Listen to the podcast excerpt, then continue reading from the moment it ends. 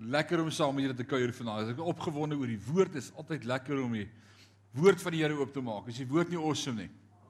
Die woord is great en die woord is onveranderlik en die woord is nuut en vars elke dag. Dis so awesome. Jy kan dieselfde stuk nou al vir hoe lank lees en ewe skielik gaan dit net vir jou oop. En dis die amazingste van die woord van die Here en mag vanaand ook vir jou so aand wees as ons in Korintiërs 1 Korintiërs hoofstuk 10 is ons teks vanaand. En kom ons sit net so, dan bid ons saam voor ons begin. Ewige God en Hemelse Vader, in hierdie gejaagde wêreld met al sy uitdagings en sy challenges en waar ons so besig is, is dit heerlik vanaand om te kom stil word, om te kom sit by u voete en u vrede en u kalmte te beleef en te weet u maak vanaand die woord vir ons oop en duidelik. En dis nie net vanaand 'n stuk geskiedenis nie, dis net vanaand teologie of vanaand 'n storie oor die verlede nie. Nee, vanaand word vir ons 'n werklikheid en 'n realiteit in ons lewe as die Heilige Gees dit vir ons oopmaak en dit deel maak van ons lewe. En dis so awesome. Ons sê vir U dankie daarvoor. Dankie vir elkeen wat moeite gedoen het om op te kom na U huis. Ons het U woord lief en ons sê vir U dankie vir U woord. Word verheerlik daardeur vanaand. Is ons gebed in Jesus naam en sê ons sê amen en amen. Nou in hoofstuk 8 het ons reeds hierdie perakoop, dis 'n mooi woord, né? Wie weet wat dit beteken? 'n Perakoop. Kom ons eh, wie weet? Kom ons vra ons studente, wat is 'n perakoop? Wat sê jy?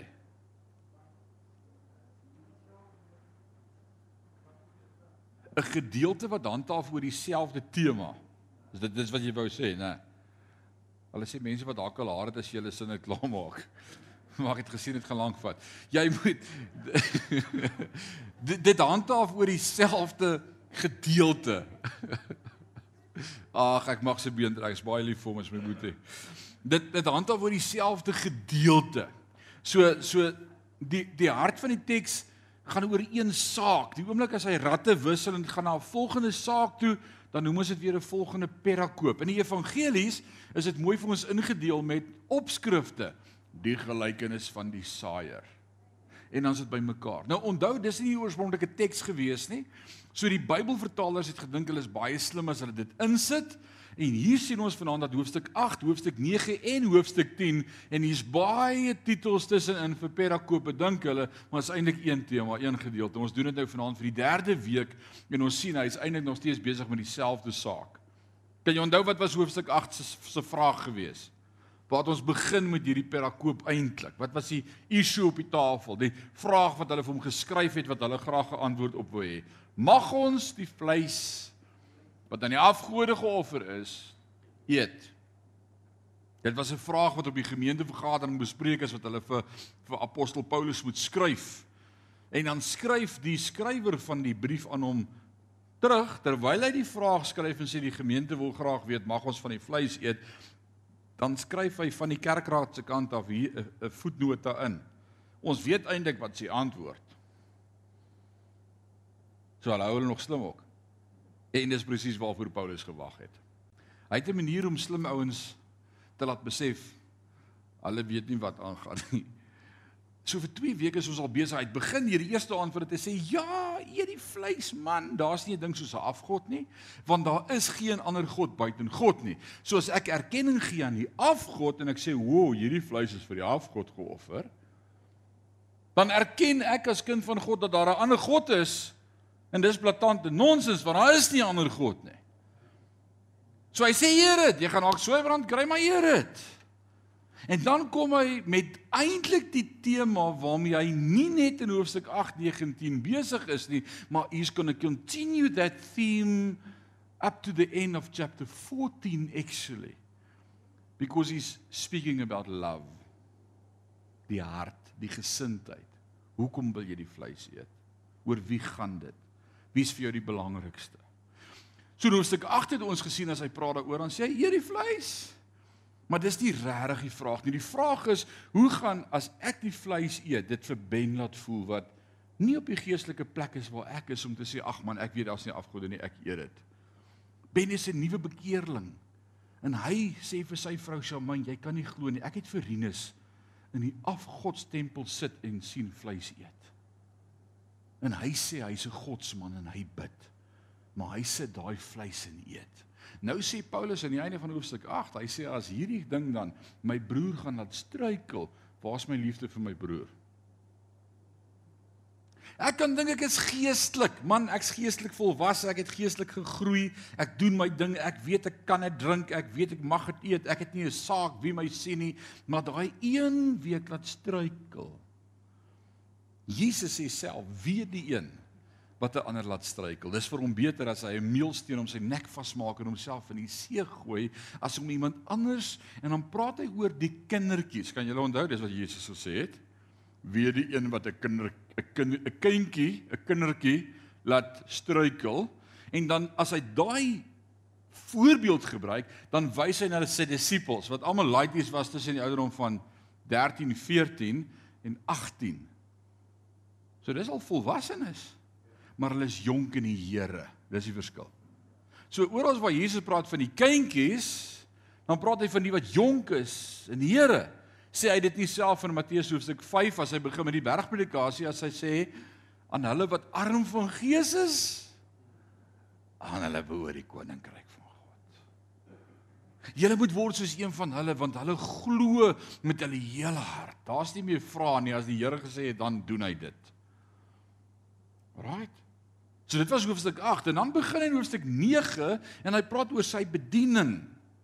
Hy praat oor sy bediening en dat hy hulle geen geld gevra het vir die bediening wat hy hier uitvoer nie en hy werk eintlik verniet, maar hy's geregtig daarop om hulle geld te kan vra en ook vir 'n vrou as hy wou trou sou hulle vir haar ook moet sorg, maar hy is nie eers getroud nie want hulle hoef nie vir haar te sorg nie en hy vra nie reis en verblyf nie.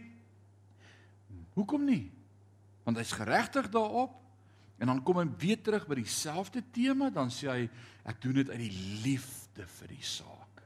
Ek doen dit want ek is lief vir julle. Ek wil nie julle moet sê ja, kyk wat is salaris betaal ons om en hy hy sê ek doen dit want ek is lief vir julle. En nou kom hy vanaand in hoofstuk 10 en nou gaan hy terug na hoofstuk 8 se gesprek toe rondom die vleis, maar nou doen hy 'n interessante draai. Ons gaan nou gou draai in die woestyn. Vir 40 jaar is Israel in die woestyn. En nou gebruik hy hierdie stuk geskiedenis, 'n lewensles Ons moet God dankbaar wees vir elke lewensles wat in die Ou Testament vir ons opgeteken is, want ons kan daaruit leer. Inteendeel dis wat die teks vanaand vir ons gaan sê. So mag ons leer vanaand uit hierdie stuk geskiedenis. Daarom wil ek dit sommer net vanaand weer ingooi. As jy die Nuwe Testament wil lees en wil verstaan wat dit beteken, lees net gou-gou deur die Ou Testament eers 'n paar keer. Want al die Ou Testamentiese stories word in die Nuwe Testamentiese geestelike beginsels En as jy nie die stories het om by die beginsels uit te bring nie, gaan jy dit mis. Dan gaan jy sê maar Lukas 10 vers 15 sê, maar jy mis die storie. Alraai, jy moet dit aan mekaar verbind. So kom ons kyk wat gebeur vanaand as ons in hoofstuk 10 is. Hy begin in vers 1 en hy sê broers en susters. Ek wil hê dat julle moet goed verstaan wat destyds met ons voorouers in die woestyn gebeur het. Nou hier doen hy 'n interessante ding.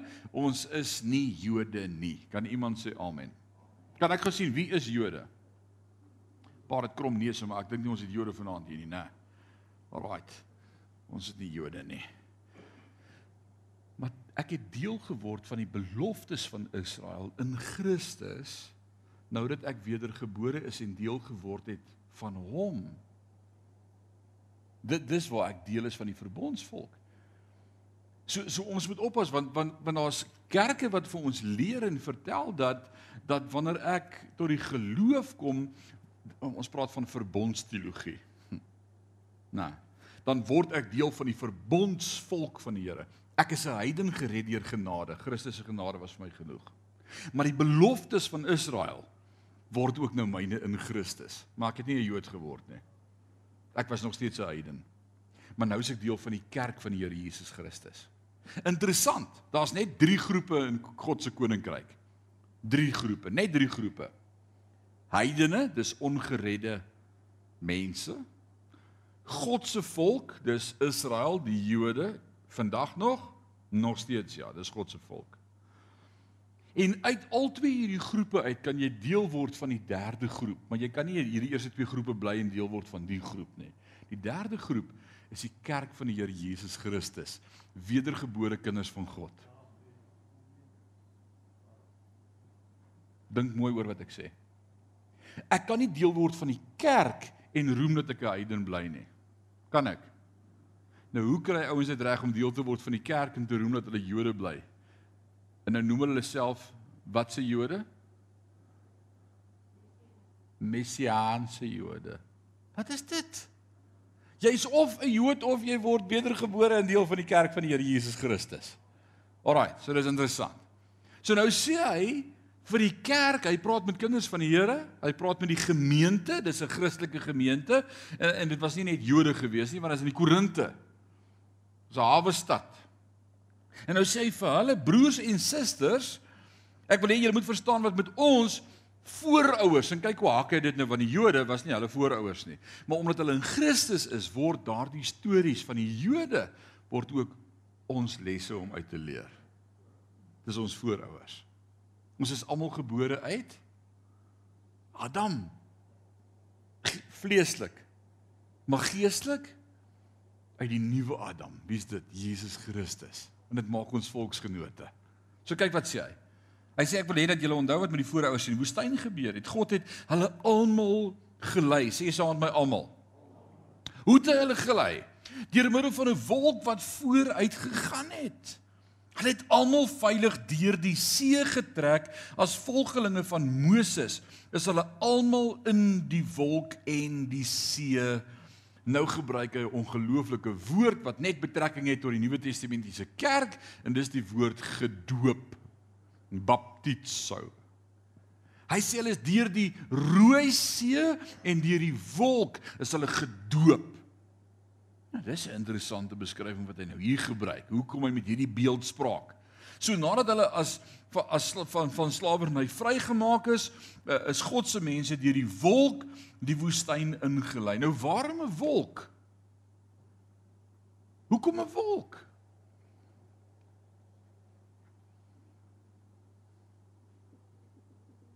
Wat sê julle?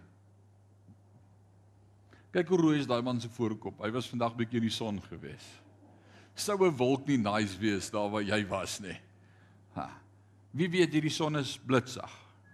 Nou imagine nou, ons was nou daar in Israel en ons het bietjie gesweet Johan. Jy het nog bietjie dubbel gesweet. Jy het jou ma nog in die reistool ook rondgestoot. Dit was warm. Daai Israel raak ek dink om Sarah was dit 45 die dag toe ons daar was. Dit was verrek warm. En daai middag toe ons af na die dooie see toe. Ek het daar gebrand blaase. Dis warm in daai woestyn. Baie warm. Imagine jy moet vir 40 jaar in die woestyn elke dag trek.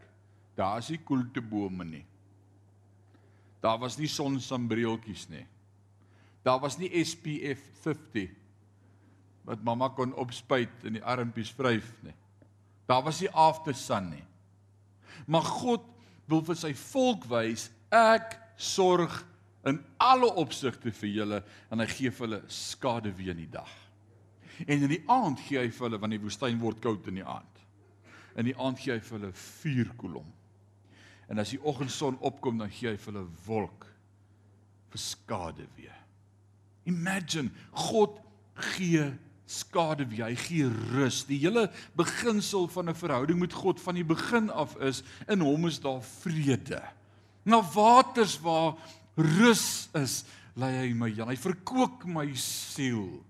Hy gee skade wie hy bedek. Nou nou hoekom 'n wolk toe die woestyntemperatuur styg het die Here gesê ek gaan jou lei deur vir jou bedekking teen die son te gee.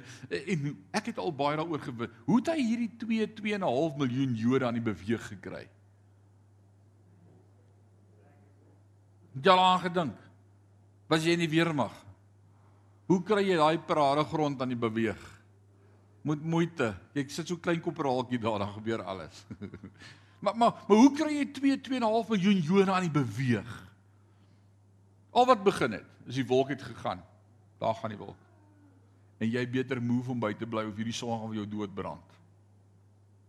Hoe weet jy of jy op die plek is waar jy moet wees? Hoe weet jy waarheen is God op pad met my? Hoe weet ek wat se pad wat ek moet loop? Jy gaan net saam met die wolk. Daar waar die wolk gaan, daar gaan jy. Ja nee, dit lyk vir my ek's nog in die koelte. Ek gaan waar die Here my gaan, waar U my lei, volg ek gewillig. Hy's daar in die woestyn gebore, daai koortjie. Hulle stap net saam. So, wat is jou toekomsplanne? Wat is jou 7 jaar visioen vir jou lewe?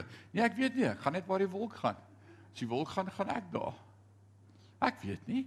Wat is jou 10 jaar plan vir jou lewe? Ek het nie 'n klou nie. Ek gaan net vir die wolk. Ek wil net nie brand nie. Is dit nie wat God vir 40 jaar probeer het om sy volk te leer van die begin af? Is al hoe jy sal weet ek lei jou, is bly net in my koelte.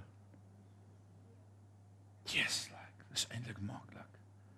God sê ek gaan jou lei deur vir jou bedekking teen die son te gee en as die wolk beweeg, beweeg saam. Sal. Ek is mal oor hierdie prentjie wat vir ons vertel word. Want as ons saam met die Here reis, oorskadu hy ons altyd. Is dit nie amazing nie? Sy skaduwee oordek my altyd. En dis die manier waarop hy beweeg soos hy ons lei. Hy's my skaduwee. Ek dink dan Psalm 91 vers 1 en 2. Psalm 91 is beautiful. En ons sing dit ons ons sing dit in die kerk. Julle ken die lied wat sê hy wat skuilings vind en bly by die Allerhoogste sal vertoef in die beskerming van die Almagtige. En ek sê vir die Heer, U is my toevlug. U is my toevlug. U is my U is my Here, my vesting, my God op wie ek vertrou. Ek is net hier in die skaduwee. Ek vertrou U dat U die beste weet en as U beweeg, beweeg ek saam. En dan sing ons waar hy my lei, volg ek gewillig. Jy het nie 'n ander keuse nie, broer. En dan kom ouens by my en dan sê hulle vir my, "Waarheen moet ek gaan? Wat moet ek doen? Wat moet ek besluit?" Hoe moet ek die lewe hanteer? Watse keuses moet ek maak? En die eintlike vraag wat gevra moet word, is waar's God se skade weer? Want waar sy skade weer is, is waar ek wil wees. Dis nie moeilik om God se wil te kry nie. En en en die die teenkant is vir my so awesome in die lewe. Die oomblik as jy op 'n plek kom waar jy agterkom God se skade wees nie hier nie, moet dit vir jou sê jy's op die verkeerde plek.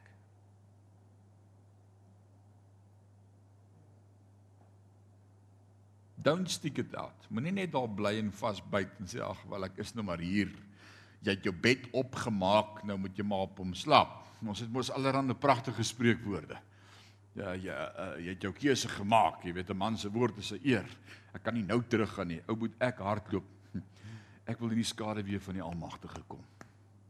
Ek wil vertoef in die skaduwee van die Almagtige. En as jy agterkom hier's op 'n plek in jou lewe waar God se skaduwee nie daar's nie, wil ek vir jou sê, jy's op die verkeerde plek. Want dan kan ek die teenkant vir jou sê. Ek's op die regte plek. Maar dit gaan moeilik en ek gaan deur doodsvalleie en, en ek en ek bewe bitterlik en en ek raak siek en dinge gebeur met my, maar as ek opkyk, dan weet ek hm, U is met my. U stok en U staf, dit vertroos my. Ek is nie alleen nie. Even when I go through the shadow of death, I will fear no evil for you are with me.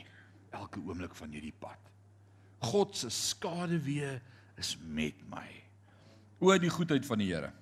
So God sê bly koel, cool, ek is die wolk en ek gaan jou lei waar ek jou wil hê. Dis amazing. So bly net in God se teenwoordigheid. Vers 3.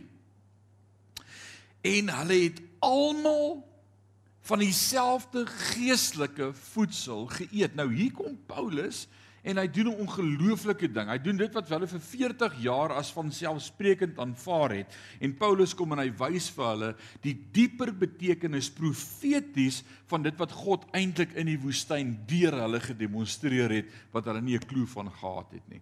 Nou wat was die eerste profesie waarvan Israel deel gevorm het wat deel geword het van die Nuwe Testamentiese kerk se gebruik? Weet jy? Kan jy onthou die aand met die 10de plaag? Kan jy onthou die aand? Wie wie van julle onthou dit? Ek was nie daar nie, maar ek het daarvan gelees, né? Die 10de plaag, wat het gebeur? Die doodsengel wat deur Egipte trek en wie sterf? Al die eersgeborenes aan wie se huis die bloed nie aangewend was nie.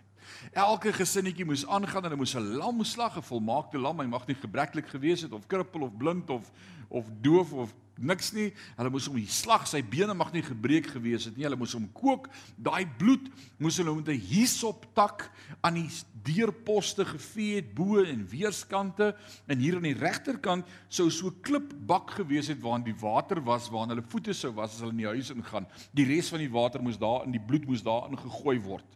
Jy moes 'n bloedplas wees reg om hierdie deur en dan daai aan veilig in die binnekant van hulle kamers het die hele gesin al die vleis geëet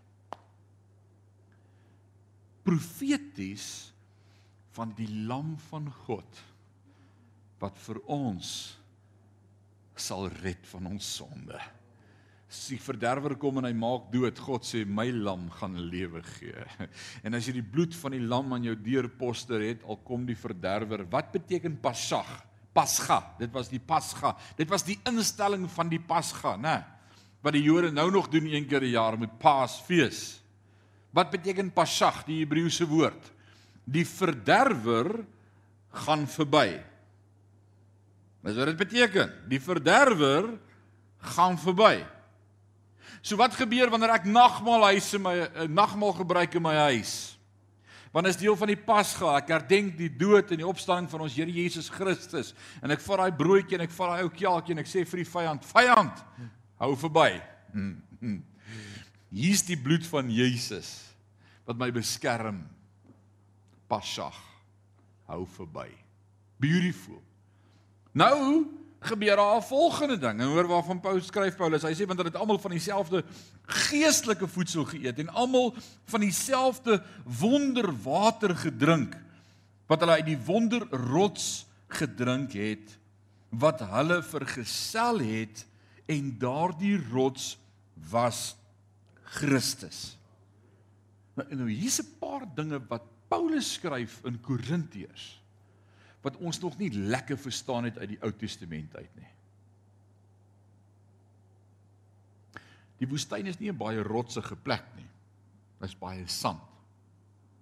Alraai. Maar hier skryf Paulus vir ons 'n waarheid wat fenomenaal is.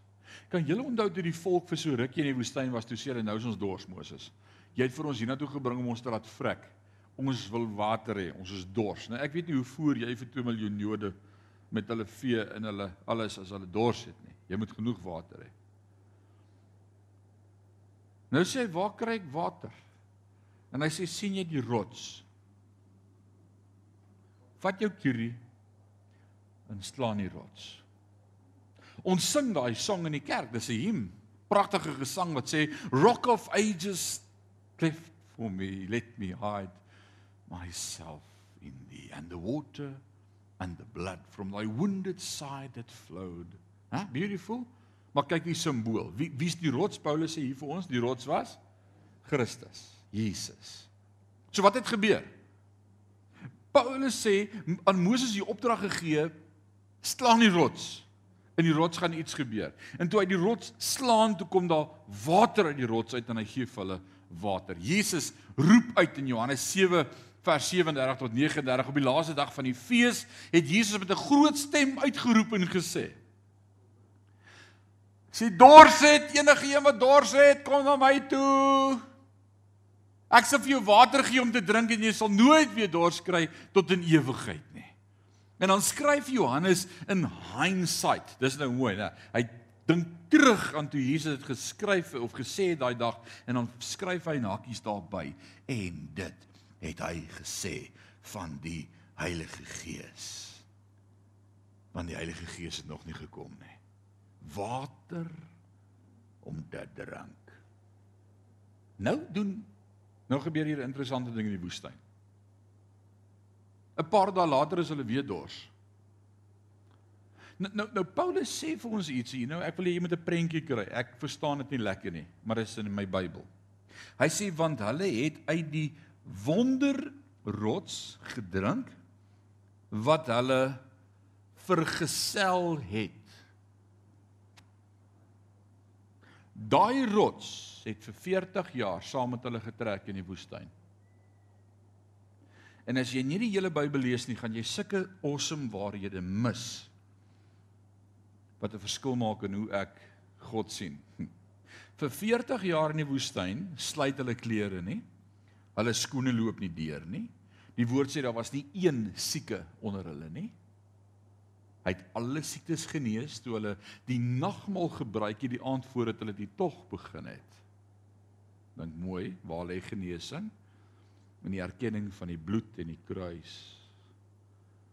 Praat met iemand in ons gemeente, ek vra hoe gaan dit met jou? Sy siek, sy sê ek het begin om elke keer as ek siek voel te begin nagmaal gebruik. Ek voel hoe die oorwinning in my lewe kom. Ek vat God se genesing. Dis die plek van die nagmaal. Daar's waarde daaraan. Alraight. So hierdie rots ek sou graag hierdie prentjie wou sien. Imagine dit, hierdie rots vergesel hulle en hy kom by 'n plek en dan slaan Moses die rots en dan gee hy vir hulle water. Daar gaan die water. En almal drink. En 'n paar dae later sê hulle maar, "Oor, nou is ons weer dors. Wat wat moet ons nou doen?" Nou sê Here, hierdie rots ding, hoe hoe Wat moet ek doen? Here sê nou kan jy net met die rots praat. Hy is klaar geslaan. Jy kan net praat. En Moses sê nee nee nee, ek trust nie hierdie ding nie. Ek weet hoe dit laas gewerk. Ek onthou nou weer. En hy vat sy keer en hy slaan weer die rots. Dan kom toe water uit, maar die water was baie bitter sê die woord. En daardie plek het hulle wat genoem? Mara want die water was bitter. En dan praat die volk nou meer meer hulle. Nou sê hulle kwaad vir Moses. Moses het nou aangejaag. Hy het nie geluister vir sy baas nie. Hy moes praat en toe slaan hy nou word hulle gestraf met bitter water. En nou praat Moses met God en dan sê hy: "Vat nou die boom en gooi die boomstomp in die water en toe die water soet geword." sien jy hierdie prentjies of mis jy dit? Paulus sê die rots wat altyd by hulle was was Jesus. Hy's altyd by hulle. Die eerste keer toe Moses met sy kierie die rots slaan, het daar genade uit die rots uitgekom vir almal dat hulle kan drink. Hoeveel keer is Jesus vir my en vir jou gekruisig? Hoeveel? Een keer. Hoeveel keer moes Moses die rots slaan? Een keer. Nou jaag ek weer nonsens aan. Louis Ek bly weg van die kerk vir 'n week en ek ek doen dinge wat ek nie moet doen nie en en dan sê ek jy's ek het berou ek hoe kan ek water kry? Ek's nou so dors nee ek het lanklaas met God gepraat en Bybel gelees en ek voel so sleg en my lewe is gemors en ek het verkeerde keuses gemaak. En en Paulus sê in Romeine 7 die dinge wat ek nie wil doen nie dit doen ek. En dit wat ek wil doen dit sukkel ek om gedoen te kry. Ons is 'n mens. Ons is nog nie verlos van hierdie vleis nie. Dis my probleem. Nou ek wil drink. Waar moet ek nou water kry? Ah ek weet. Kom ons slaan weer die rots Maar Jesus het gesê, "Ag, ah, ek slaag geslaan vir jou. Al wat jy nou kan doen, nou Louis, is kom sit by my en praat met my. Kom sê, Here, I messed up. Ah, ek is so jammer, maar dankie dat U klaar vir my gesterf het." En dis waar die nagmaal elemente inkom, so pragtig. Ek kan net weer 'n ou broodjie vat, wil jy? Ek hoef nie weer te vra, "Ag Here, wil U nie asseblief vir my gekruisig word nie?" Nee, hy is klaar vir my gekruisig. En, en dis presies wat wat die wat die Hebreërs skrywer met ons behandel in Hebreërs 6 is is presies sy argument. Hy sê as iemand eenmal wedergeboorte beleef het en daarna met die handoplegging die Heilige Gees ontvang het en al hierdie goed deelagtig geword het en hy sê so 'n persoon sou weer sondig, is dit onmoontlik om weer gered te word. En nou sê die ouens sien, as jy sonde doen as jy 'n kind van die Here is, val jy terug en jy kan nie weer jou hart vir die Here gee nie. Maar dis nie waar daar staan nie, is dit? Wat sê hy vir hierdie klomp Jode met wie hy praat in die Hebreërboek? Die Joodjies wat gewoond was in die ou stelsel van dinge doen en hoe die ou stelsel gewerk het. As ek sonde het, dan moet ek 'n lammetjie vat of 'n bok of 'n koei of 'n os en ek moet gaan offer. En as ek weer sonde doen, Leon, wat moet ek dan doen? Jy moet maar weer gaan offer.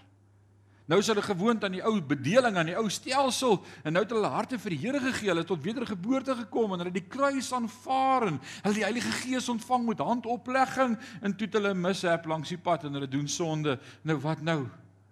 Hoe moet ons nou maak? Ek moet seker maar weer my hart vir die Here gee. En nou sê Paulus dis onmoontlik om Christus weer te kruisig. Maar lees net verder in daai gedeelte in Hebreërs 6, hy sê daarom bid ek dat julle sal groei, sê groei, sê weer groei tot die kennis van die waarheid sodat julle sal besef wie julle is in Christus. Jy's klaar sy kind. Dis die prentjie van die rots.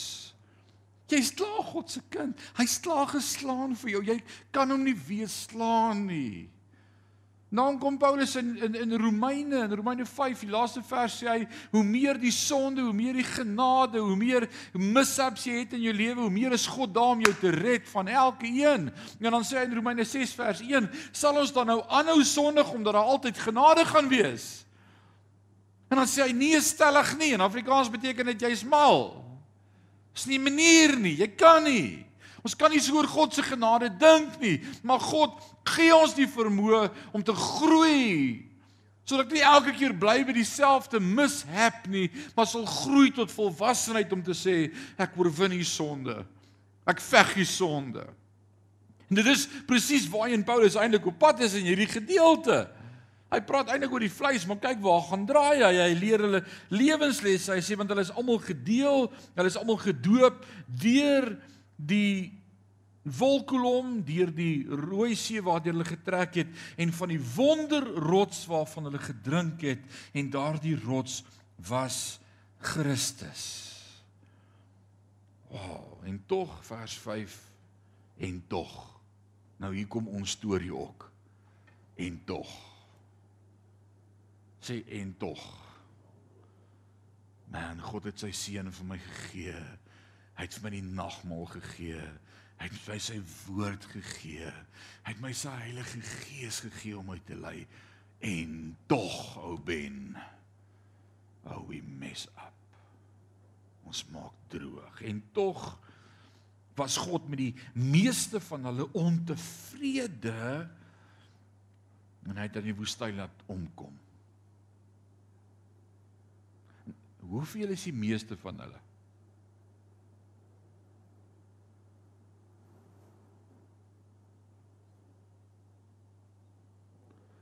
Almal behalwe 2 is die meeste van hulle. God doen vir sy hele volk dieselfde ding. En al wat hy wil hê is dat hy met hom glo. Sal Ek gaan vir julle water gee.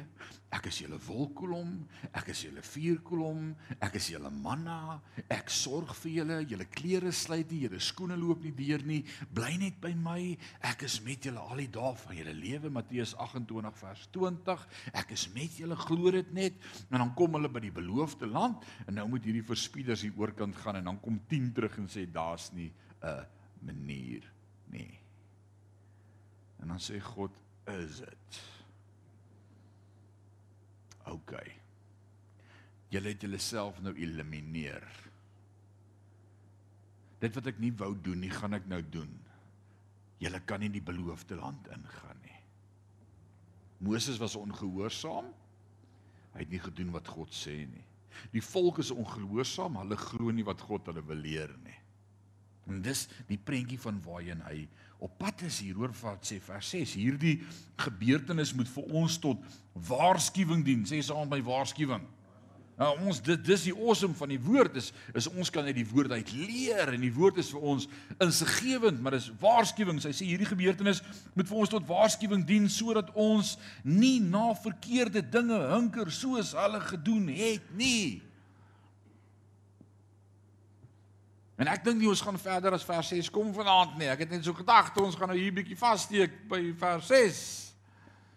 Want nou gebruik hy hierdie beeldspraak van van die volk in die woestyn en te midde van die awesome dinge. Hy sê hulle is gedoop in Christus. Die water was daar. Nou kom ons reverse gou terug en sit jouself in hulle skoene as kind van God, as gelowige. Ons het begin by wedergeboorte. Die bloed die 10de plaag. En daardie nag het ons wedergeboorte beleef. Almal van ons sê ons het wedergeboorte beleef. Ons is kinders van die Here. Yes. Ek het deel van hom geword deur die doop, deur die dood van die Here Jesus Christus. Ons is almal deur die doopbad. Dis wat die happy clappies doen. Ons is soos krokodille, ons sleep jou water toe. Ons sê ons moet nou begrafnis hou. Ons moet die ou mens begrawe en die nuwe een moet opkom. Ek leef nie meer nie, maar hy leef in my. Romeine 6 vers 5 en 6. Ek saam met Christus gekruisig. Ek's deur die doop. Ek het die wolk, sy Heilige Gees wat my elke dag leer en lei. Hy's met my. Ek het die rots wat vir my water gee as ek dors is. Ek kan net met hom praat. Hy's klaar geslaan, wil hy. Ek kan net praat en sê, "Here, ek het dors." En die Here sê ek's daar en ek gee vir jou water. Dis my storie. Dis jou storie. Dis elkeen van ons se storie. Dis dit. Dit is En dan sê Paulus hierdie gebeurtenisse moet vir ons ook dien tot waarskuwing sodat ons nie, sê saam met my sodat ons nie. So wat's die les wat ons uit moet leer wat ons doen? Sodat ons nie na verkeerde dinge hunker soos hulle gedoen het nie. Wat is hunker? Kwyl die spoeg drup so soos wat jy dit begeer. Ek het so groot rotweiler by die huis. En as ek iets in my hand het wat hy wil hê, dan kwyl hy so. Die spoeg loop soos wat hy lus het vir dit. En Paulus sê dis wat ons doen. Ons sien daai goed. En ons is lus. En ek like wat my oë sien die begeerlikheid van die vlees, die begeerlikheid van die oë en die derde ding hoogmoed. Dis die drie goed waarteen God ons waarsku. Ek like wat ek sien. Hoe kom doen jy dit? Ah, oh, want ek like wat ek sien.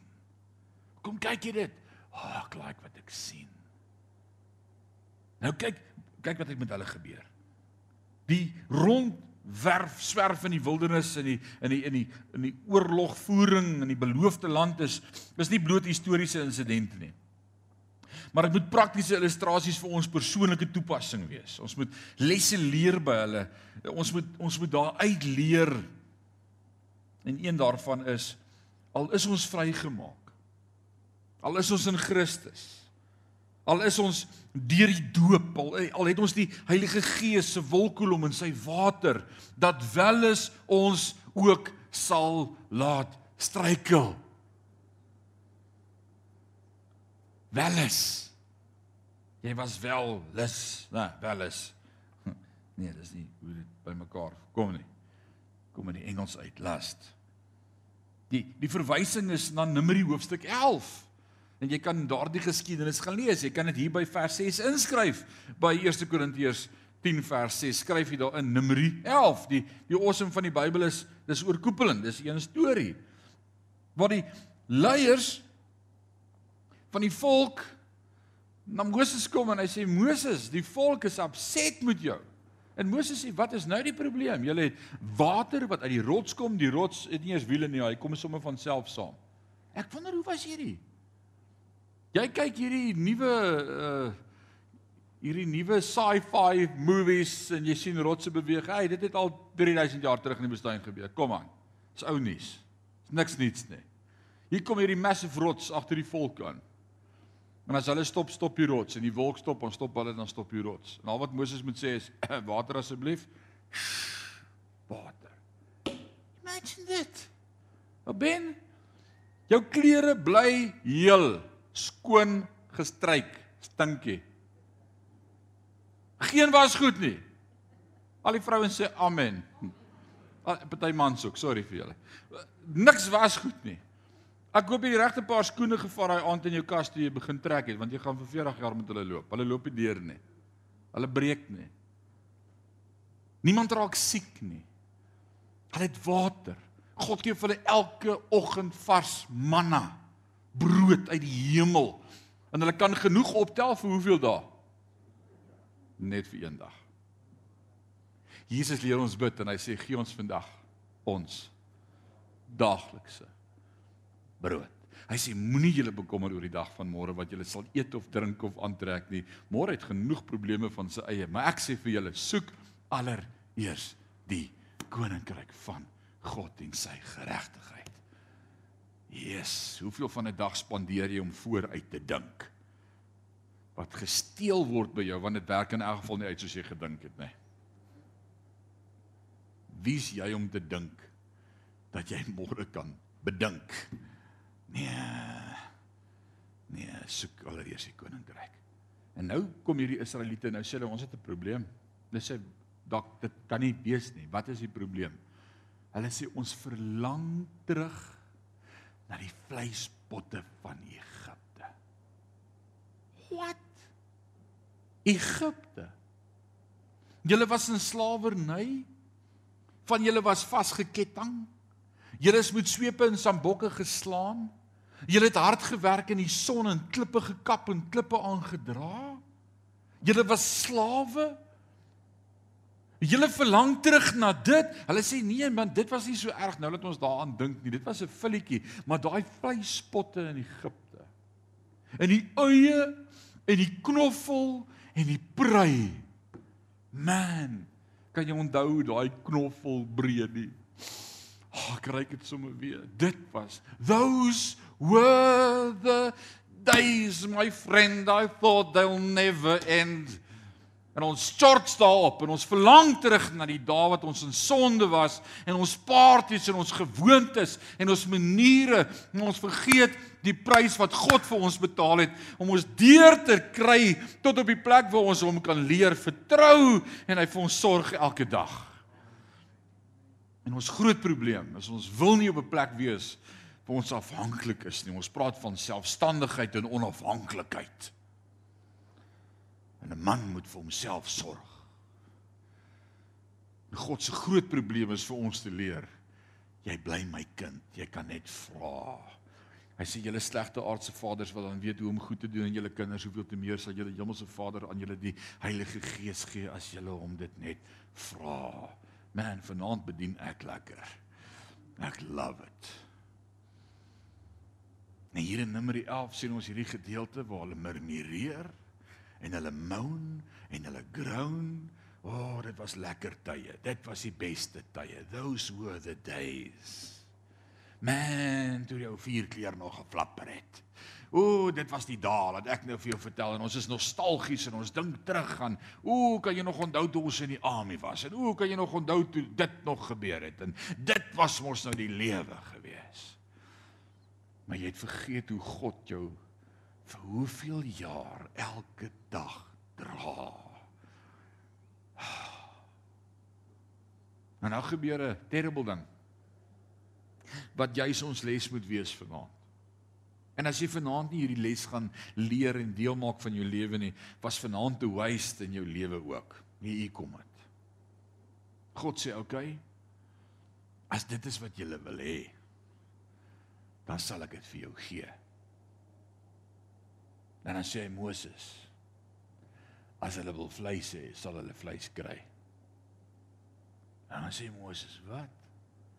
Ek gaan nie vir hulle vis vang nie. Mm. -mm. Sê nee, jy hoef nie vis te gaan vang nie. Dan sê hy ons gaan ook nie daai klomp beeste in die beloofde land slag nie. Sê God nee, nee, dis nie hoe ek dit gaan doen nie. En dis ek en jy. Ons kom altyd met ons opsies na God toe en sê okay, gaan dit dit wees of gaan dit dit wees? En God sê, luister, ek het baie opsies waarvan jy nie eens weet nie. Jy's clueless. Hou op om my so te limit en vir my te sê, okay, hier's my opsies, moet ek nou links of regs? Regtig? God is by magte om te skep uit niks uit nie. Hy spreek 'n woord en dis daar. En ek en jy kom daagliks by kruispaai en ons sê okay Here, maar hier's dit en hier's dit. Wat moet ek nou doen? Dis al wat ek het. En hy sê Jy, jy vergeet met wie jy praat. God skep uit niks. En dan sê God, ek sal jou wys. In die volgende oomblik kom daar kwartels. Hulle het in hulle lewe nog nooit 'n kwartel gesien nie. God maak vir kwartels net daar. Dis dag 8, kwartels word gebore. Kwartels. Ken jy 'n kwartel? Wie van julle het al kwyl geëet? Kwartels pragtige ou klein hoendertjies. Dit voel soos 'n proes soos 'n 10 dae oue baba kuikentjie. Pragtig. Regtig is heerlik. OK, 12 dae oud. Maar pragtige ou hele hoendertjie. En die volgende begin hierdie kwartels op hulle neer reën. Luister broer, 2 miljoen mense in die woestyn. Dit begin op hulle neer reën. Kwartels. Kwartels. Kwartels. Kwartels. Kwartels. Kwartels. Sê pappa ek trap die kwartels dood. Kwartels. Staan stil. Kwartels. Kwartels. Kwartels. Ek kan nie meer loop nie. Kwartels. Hulle bly kom. Kwartels. God is kwaad. Hy sê jy wou vleis eet, julle sal eet totdat by julle neuse uitkom. Dis hoe kwaad God word. Hy sê hulle het geëet totdat by hulle neuse uitkom. Broer, het jy al so geëet? Kwartels. Julle wil my versoek. Julle dink ek kan nie vir julle sorg nie. Kwartels. Dan sê die woord die kwartels was nie diepte.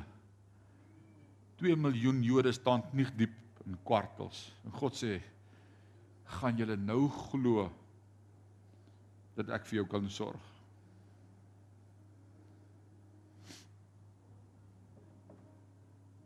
Jy al gemoun om te kry wat jy wil hê. Tantrum gegooi soos 'n kind. Dis wat ek wil hê, Here. En dan soms kry jy wat jy wil hê. Asof die Here sê nou, "Dê. Kry vir jou."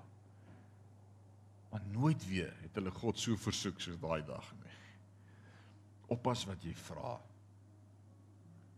En nou sê die woord sodat ons nie na verkeerde dinge, verkeerde dinge, was God se plan vir hulle kwartels. Hulle moes die goed slag, hulle moes die veer aftrek. Dit was bloederig.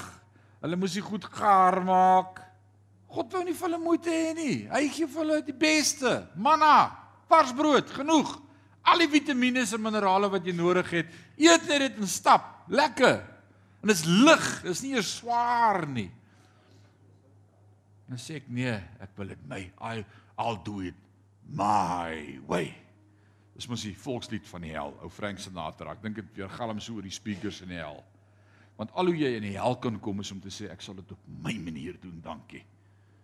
Ek wil nie Christus in sy genade hê nie. Ek sal my manier doen. En dan gee God vir hulle kwartels. Genoeg vleis. Genoeg vleis. God het soveel kwartels op hulle pad gestuur dat die volk geëet het totdat hulle nie meer kon nie. Die Psalm die psalmskrywer werp verder lig hierop wanneer hy Psalm 106 vers 14 en 15 vir ons skryf. God het hulle begeertes gegee. Maar hier hier kom 'n interessante ding. Hy het hulle hulle begeertes gegee, maar hy het 'n maarheid na hulle siele gestuur. Hy oppas vir daai een. As jou oë daai goed wil hê, gaan jy skielik agterkom, maar hier in jou hart bly jy honger. As hy goed wat jy nie genoeg van kan kry nie, maar hier binne bly jy leeg. It's not satisfying. Dit het nie eternal weight Jy bly honger en jy bly dors. En nou wil jy al dit geëet laat dit by die neuse uitkom, maar hier binne was daar 'n onbevredigende gevoel van honger. Weet jy waarvan ek praat? Jy het nou goed gesoek, God het dit vir jou gegee. En nou sit jy in daai situasie en sê, "Maar hoekom hoekom voel ek so?" Staan wat ek wou hê. Staan waarvoor ek gebid het. Ek het die Here so vertrou hiervoor nou het ek dit, maar ek kan nie verstaan wat gaan met my aan nie. Hier binne is 'n hongerte. Weet jy wat is die probleem? Jy wil vir God sê wat jy dink jy nodig het. En hy weet die beste. En hy weet hoe om te sorg vir jou. En nou sê die skrywer, hy sê in in vers 6 vir ons, sodat ons nie na verkeerde dinge hunker soos hulle gedoen het nie. En hy sê ons gaan stop vanaand. Ek wil vir jou sê, net so. En ons vergeet van die diende plaag. Ons vergeet van die nagmaal in ons lewe. Ons vergeet van ons doopdag. Ons vergeet van die Heilige Gees wolkolom en water wat elke oomblik by ons is. Ons is in die vlees, met die begeerlikheid van die vlees. Ons kyk in die vlees, ons begeer in die vlees en ons sê, "Oh man, dis wat ek wil hê."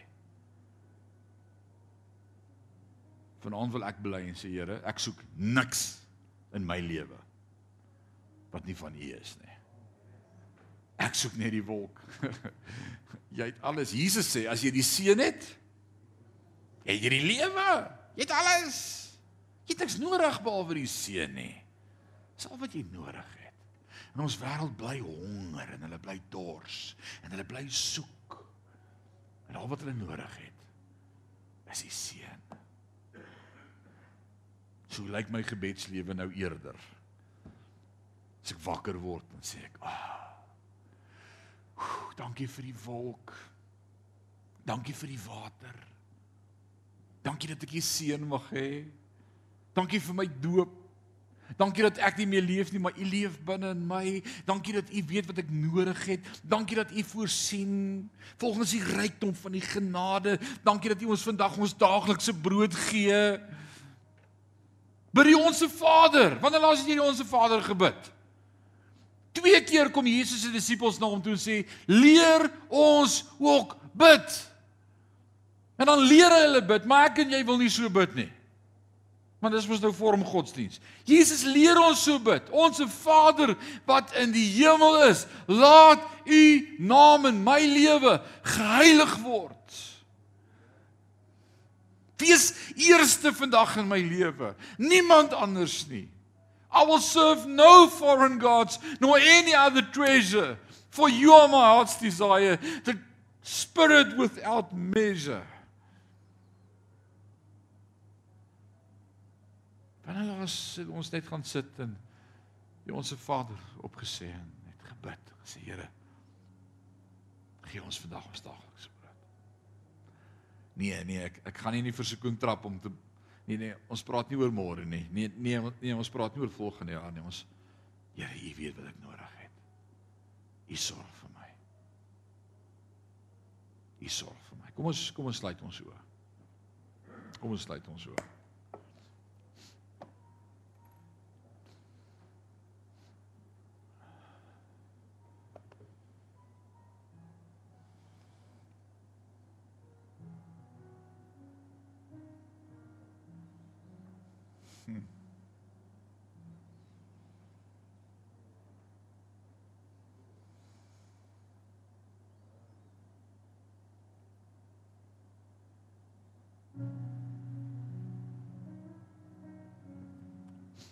Here God, dankie vir die pad wat U met elkeen van ons stap. Dankie vir die kruis. Dankie vir die bloed van Christus. Dankie vir die doop. Dankie vir die Heilige Gees. Dankie vir lewenswater. Strome van lewende water wat uit ons binneste sal borrel. En tog bestaan ons hele dag uit wat ons wil hê en wat ons nie kan kry nie. En hoe ons wil lyk like en wat ons wil doen en waar ons wil gaan. En ons het nog nooit geleer om die koninkryk van God te soek nie. Ek het nog nooit geleer om myself eenkant te sit en te offer op die altaar en te sê Here God, U is eerste in my lewe nie. Here help vir ons. Ons is net soos die Israeliete. En dan sê hy behalwe vir twee het die res dit nie gemaak nie. En dan wonder ek eerlikwaar hoeveel van ons beleef daardie plek van totale tevredenheid en daardie plek van teenwoordigheid van God en daardie plek van van van in kontak wees met God en hy wat skuilings vind by die Almagtige sal vertoef in beskerming van van die Almagtige, uh, daardie vrede, I have found myself a hiding place, a secret space. Of is ons so besig om te soek na dinge wat U nie vir ons wil hê nie?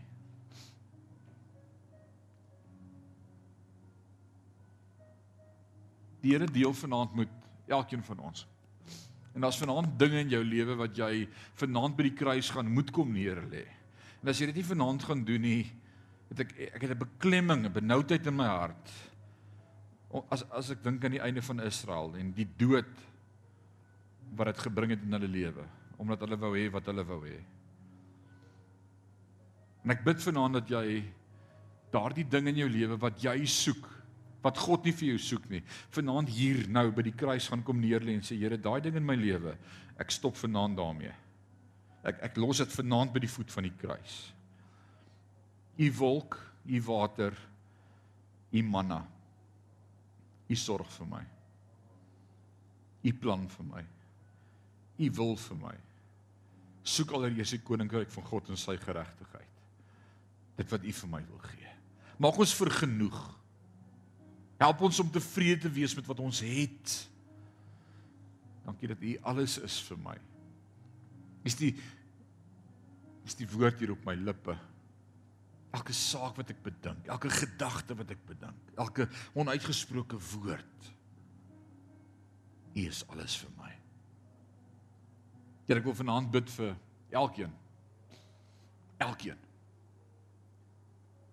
Dat ons vanaand daardie goed in ons lewe wat nie van U is nie, nou by die voete van die kruis sal neerlê en sê Here, ek lê dit neer by die voet van die kruis. Dankie vir oorwinning. Dankie vir getuienisse wat uit hierdie diens vanaand uit gaan vloei wat sê God het my vrygemaak van van myself. God het my vrygemaak van opinies. God het my vrygemaak van mense se woorde. God het my vrygemaak van my selfbeeld. God het my vrygemaak van van denke. God het my vrygemaak. Ons lê alles vanaand by die voet van die kruis neer en ons sê Here, God eerste. God eerste. Nie ek nie, maar wat U vir my wil hê. My drome, my ideale, my begeertes sterf vanaand.